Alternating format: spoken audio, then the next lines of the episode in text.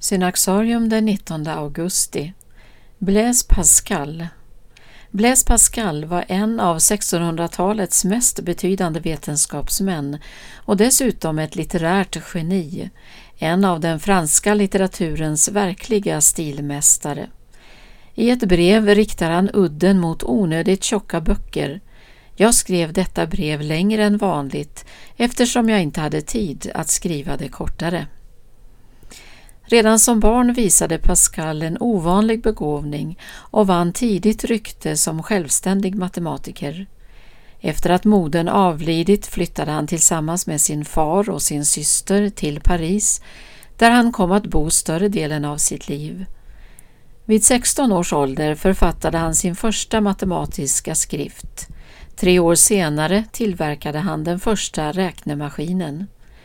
Tillsammans med en kollega la han även grunden till sannolikhetsteorin som han senare skulle använda när han argumenterade för den kristna tron.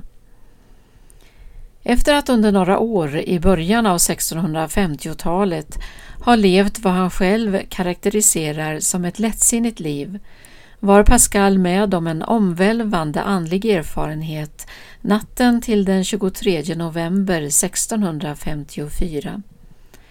Det var en två timmar lång vision som han efteråt skrev ned och bevarade insydd i sin kavaj livet ut. Upplevelsen ledde till en radikal nyorientering i hans liv.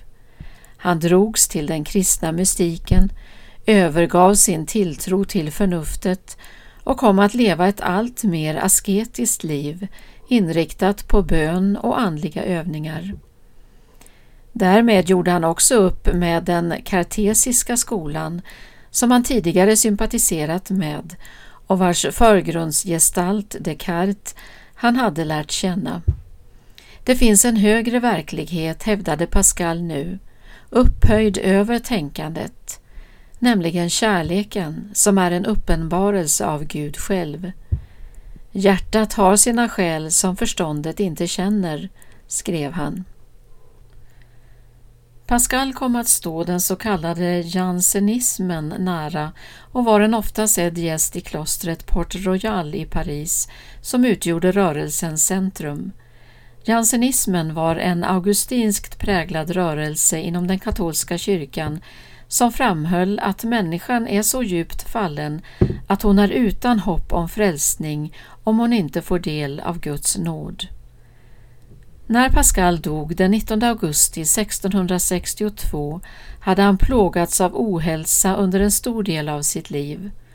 Han arbetade då på en bok till försvar för den kristna tron som kom att ges ut efter hans död, Pensée sur la religion, publicerad på svenska med titeln Tankar. Den är ett vittnesbörd om det inre livets rikedom återgiven i Pascals koncentrerade och vitala stil.